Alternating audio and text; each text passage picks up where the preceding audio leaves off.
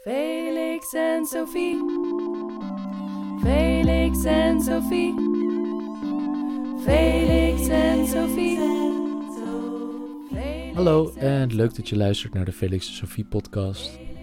Je gaat luisteren naar de editie van afgelopen september getiteld Wat is het om mens te zijn? Je gaat luisteren naar de tweede spreker van die avond, Maarten Kolen. Die stelt dat de vraag wat het is om mens te zijn steeds opnieuw gesteld moet worden. Denk je na het luisteren, wat leuk, daar wil ik ook een keer bij zijn? Dat kan. Iedere derde dinsdag van de maand is er een editie in Boekhandel Perdu op de Kloveniersburgwal in Amsterdam.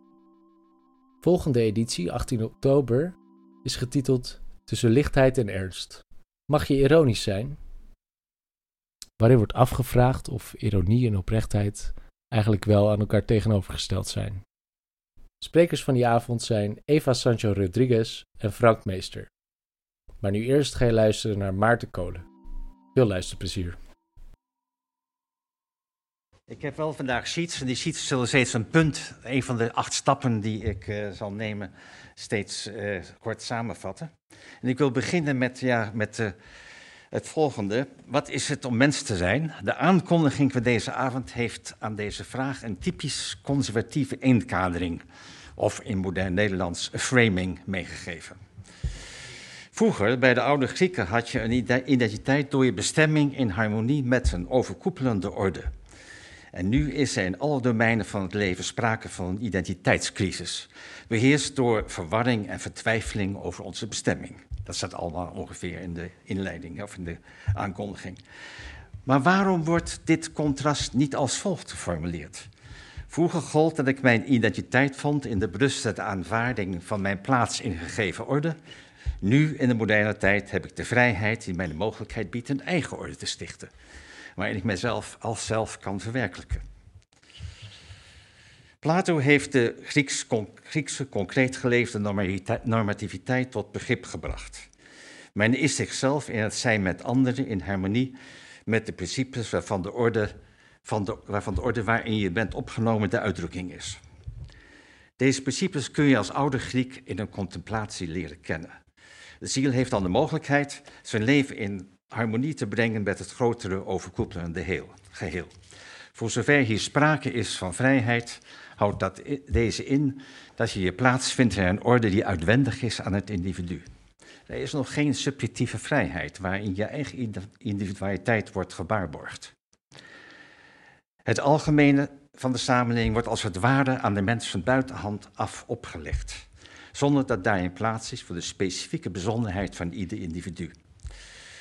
Daarentegen heeft het individu in de moderne tijd juist het recht zijn bijzonderheid te verwerkelijken in de samenlevingsverhoudingen uiteraard. Jezelf verwerkelijken betekent echter niet dat je jouzelf verwerkelijkt, zoals je ook iets anders kunt verwerkelijken. Maar het betekent vooral dat je jezelf begrijpt als een zelf dat zich als een bijzonder zelf verwerkelijkt in de algemene sfeer van de samenlevingsverhoudingen. Dat houdt in dat je ook moet willen dat deze mede door jou tot stand gebracht worden. Dat is het moderne probleem van de vrijheid. De middeling te moeten vinden tussen je individuele bijzonderheid en een concreet geleefde algemene normativiteit. De, de filosoof Hegel, waar het, die op de achtergrond natuurlijk uh, meespeelt, die heeft dat zedelijkheid genoemd, maar ik zal het concreet geleefde normativiteit blijven noemen.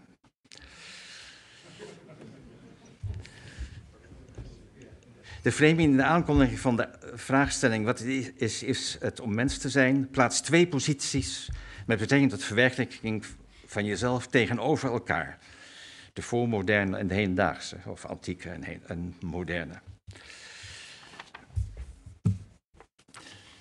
Zo gesteld moet de voormoderne positie wel de voorkeur verdienen, want wie wil zijn leven in vertwijfeling slijten? Ik denk echter, dat staat ook in de aankondiging, vertwijfeling. Wat, want wie wil, oh ja, eh, ik denk echter dat als we het probleem van de moderne identiteit begrijpen in termen van dit contrast, we op een dwaalspoor worden gebracht. Er is een derde positie nodig, waarin de tegenstelling tussen beide opvattingen expliciet aan de orde komt. Of anders gezegd, we moeten de relatie tussen beide opvattingen over het zelf van de mens onderwerp maken van een filosofische reflectie. Het gaat daarbij niet om de vraag hoe is mijzelf of wat zijn de eigenschappen van mijzelf, maar het zal gaan om de vraag wat is het om in de moderne tijd een zelf te zijn. Dat is de filosofische vraag. De eerste is natuurlijk meer empirisch. Wat ik dus eigenlijk wil doen, is de tegenstelling tussen antiek en modern, voormodern en modern, op een hoger plan tillen. Wat bedoel ik met de term identiteit? Voorlopig verbind ik met deze notie, deze notie met de vraag wat het inhoudt om een individu te zijn dat handelt vanuit zichzelf. Wat betekent het om een persoon of een zelf te zijn? Wat je als identiteit ervaart is altijd verbonden met het stellen van de vraag naar wat een, als een goed leven kan worden beschouwd. We streven immers altijd naar een leven te leiden dat op de een of andere manier zinvol is. In Engels zegt men heel toepasselijk: life must make sense. Anders kun je niet als mens met een identiteit überhaupt bestaan. Wat je beschouwt als je eigen identiteit is dus altijd verbonden met een morele oriëntatie. De zoektocht naar een dergelijke oriëntatie moet wel duidelijk onderscheiden worden van de subjectivistische zucht naar leuke belevenissen. We brengen onze identiteit tot uitdrukking door ons best te doen van onze levensloop een coherent, coherent verhaal te maken. Steeds wordt in zo'n verhaal ook een idee gearticuleerd van wat je zinvol vindt en wat je voor een goed en zinvol leven houdt. Het zal blijken dat dit geen onverbindende onderneming is. Ja, de volgende stap is dat ik in, uh, heel schematisch, ik moet natuurlijk heel schematisch blijven vandaag, want wat kun je in een half uur vertellen? Ieder levensverhaal heeft zijn eigen specifieke ontwikkeling. Vanuit een empirisch zichtpunt lijkt het geen twijfel. Hè? Ik ben anders dan jij. Iedereen die romans leest weet hiervan. Je leert kennen wat de hoofdpersoon beweegt, wat voor hem van waarde is, wat, wat specifieke voorvallen voor hem betekenen. Dit is niet waar de filosofie zich direct mee bezighoudt. Filosofie wil, wil bij gebrek aan beter woord de structuur van de identiteit beschrijven. Dat wil zeggen wat het betekent om als mens te bestaan die een identiteit heeft. De wijze waarop in de genoemde fundamentele zin de identiteit vorm krijgt, varieert met het type cultuur waarin het leven zich voltrekt. Elk van deze drie, het blijkt dus drie culturen te zijn, hè? Uh, elk van deze drie kent een eigen achterliggend concept van het zelf. Of beter een eigen begrip van wat het betekent om een zelf te hebben. Dan ga ik nu die drie culturen, dus voormodern, modern, hoogmodern, ga ik samenvatten. En dat, dat is ook allemaal een sheet met die verticale streepjes gescheiden. In een voormodern of traditionele cultuur heb je een identiteit door de plaats die je inneemt in een gemeenschap waartoe je behoort. De gemeenschap ontleent zijn fysionomie aan de gebruiken en gewoontes van de generatie die op, van generatie op generatie worden doorgegeven. De oude Grieken hebben deze wijze van leven in hun filosofische denken tot uitdrukking willen brengen als participatie in een overkoepelende orde waarvan je de principes kunt leren kennen. En de verhalen vertellen dan hoe een ieder in deze orde zijn plaats inneemt. De vroegmoderne vorm, of moderne vorm, ik noem het ook vroegmoderne, moderne, dus zeg maar vanaf de zo, eh, het hangt een beetje af van welk land, 18e, 19e eeuw. De vroegmoderne vorm van identiteit wordt gekenmerkt door neiging de eigen identiteit te ontlenen aan de rol die men in het arbeidsbestel heeft, of algemeen aan de verschillende rollen die men speelt in de veelheid van sociale formaties die deze cultuur eigen is. Een van de opvallende voorbeelden is uiteraard tot welke klasse men behoort of tot welke sociale groep men wordt gerekend.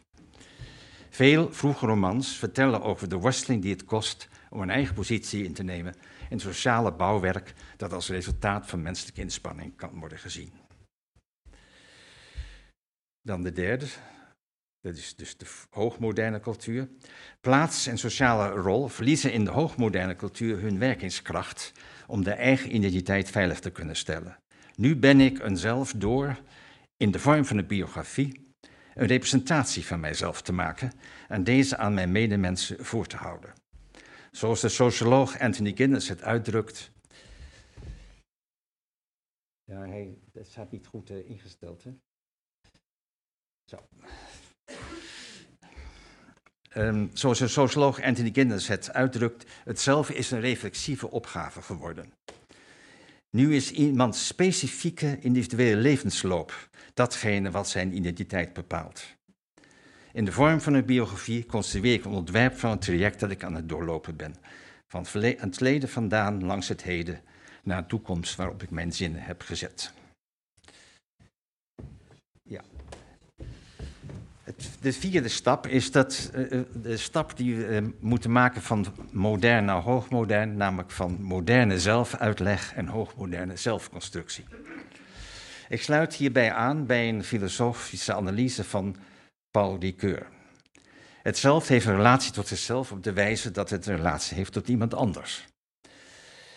We kunnen onszelf alleen leren kennen via de omweg van het vertellen van het voor ons specifieke verhaal over wat ons in het verleden is overkomen en welke hoop we in het heden hebben met het oog op de toekomst.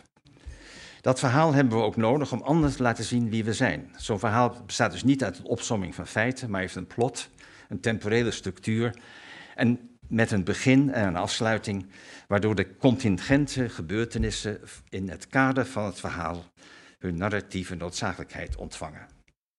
Wie zijn verhaal eenheid of volledigheid weet te geven, verwerft een narratief identiteit. Maar deze is wel voorlopig. Waarom? Nou, wat gebeurt is, ons lotgevallen wordt door ons worden steeds door ons geïnterpreteerd, waardoor ons, voor ons een anticipatie op de toekomst mogelijk wordt. Anticipatie is hier echter niet rekening houden met iets waarvan we weten dat het in de toekomst zeker zal plaatsvinden. Nee, we hopen erop dat de activiteiten in het heden ons ontvankelijk maken voor nieuwe mogelijkheden die zich kunnen aandienen. Er bestaat, voordat de hoogmoderne houding, de derde, de identiteit overneemt, nog zoiets als een levenslot. Wordt ons voorlopige verhaal verstoord door wat ons overkomt, dan is het nodig naar een nieuwe narratieve coherentie te zoeken, waarin de descriptieve gebeurtenis een betekenisvolle plaats krijgt. Het kan moeilijk zijn om dit voor elkaar te krijgen. De hoogmoderne tijd kent ook levensverhalen. Maar daarin wordt de identiteit van het zelf niet geïnterpreteerd, maar geconstrueerd. Het zelf is daarmee voor ons een doorlopend reflexief project geworden, dat zei ik al, waarin ik mezelf ontwerp zoals ik wil zijn. Ik zeg niet dat het echt waar is, maar zo zien we onszelf in onze cultuur. Hè? Het zelf wordt een project waarin ik mijn traject naar de gewenste toekomst ontwerp. Er bestaat geen pech, alleen maar uitdagingen.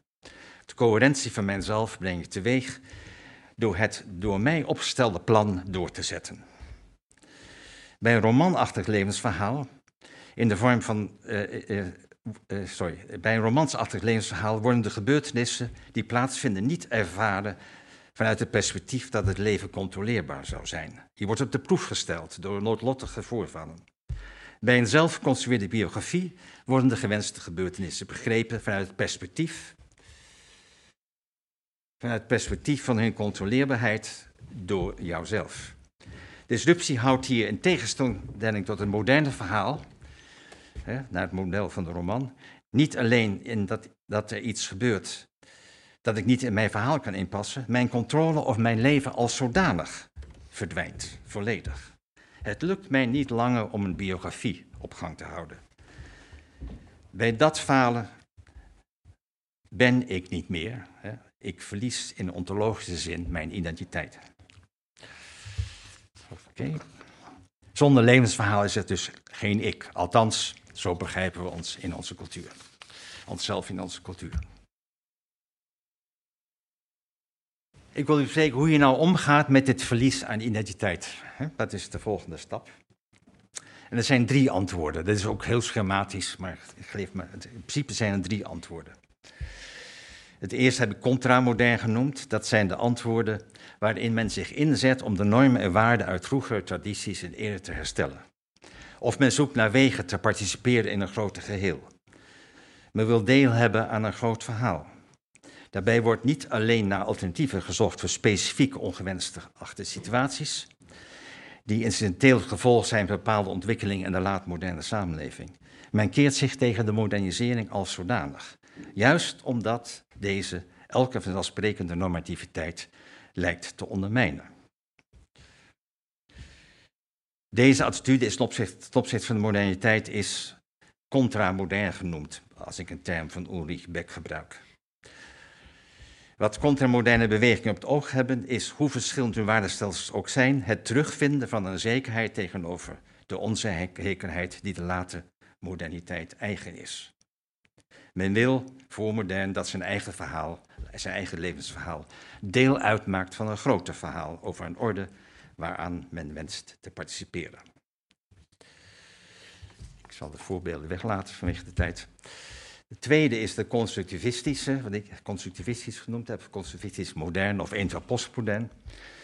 In plaats van, wat gebeurt daar? Nou, in plaats van het verlies van identiteit die zich vormt in overeenstemming met een excentrieke werkelijkheid, een probleem te vinden, waarvoor een oplossing moet worden gezocht, wordt dit verlies door de identiteitsconstructivisten juist positief gewaardeerd.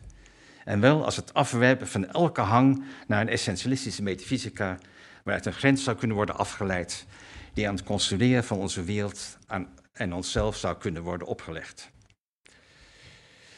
Dit constructivistisch moderne antwoord op de uitdaging die het reversieve project van het zelf, uh, die, sorry, die in het reversieve project van het zelf ligt besloten, vereist een ironisch-esthetische levenshouding, waarin men de veelheid van contingente waardesystemen met een gepaste afstandelijkheid weet te beschouwen als vormschema's, volgens welke men zijn leven naar believen kan inrichten. Men viert, zogezegd, dat men zijn eigen representatie is. Dan de derde, dat heb ik permanente zelfreflectie genoemd, het derde antwoord. Hè. Het derde antwoord behelst een voortdurende reflectie op het reflexieve karakter van de hoogmoderne identiteit zelf. Dus een reflectie op de reflexieve karakter. Het klinkt ongetwijfeld raar om te spreken van een reflectie op het gegeven dat het zelf een reflexief project is geworden. Dat moet je dus toelichten. De moderne attitude heeft zich in de loop van de eeuwen praktisch doorgezet, onder andere in de vorm van institutionalisering van wetenschappelijk en technisch onderzoek, de institutionalisering van de regulering van het economisch systeem van behoeftebevrediging, maar ook door een expliciete organisatie van de democratische beslissingsstructuren en een expliciete formulering van de rechten van de mens. Kortom, alle sectoren van het maatschappelijk leven zijn bewust in regie genomen. Men was zich bewust van de vooruitgang die vanuit dit modern, deze moderne houding te bereiken was. En men wilde dat ook. Deze ontwikkeling, dat deze ontwikkelingen manifestaties zijn van de moderne houding, wil echter niet zeggen dat het moderne subject zich er een adequaat begrip van had gevormd. Daarvoor was nodig dat er ook een besef ontstond van een beperktheid die de moderne attitude krachtens zijn eigen principes blijkt te hebben. Aan het begin van de moderne tijd kon toch deze verborgen blijven vanwege de belofte van een substantiële verbetering van de levensomstandigheden. Nu, in de hoogmoderne tijd, is aan het licht gekomen dat inmiddels in verregaande mate gelukte massionele controle over de werkelijkheid mede haar eigen tegendeel heeft teweeggebracht.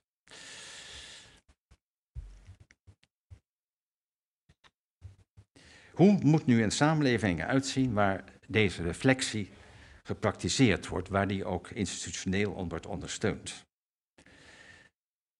Dus misschien het volgende even nog zo zeggen. De beperktheid komt dus deze manier wel in het vizier, maar zo niet als zodanig begrepen. En dat moet wel als we willen dat een de hedendaagse moderne crisissen ons niet in de greep krijgen.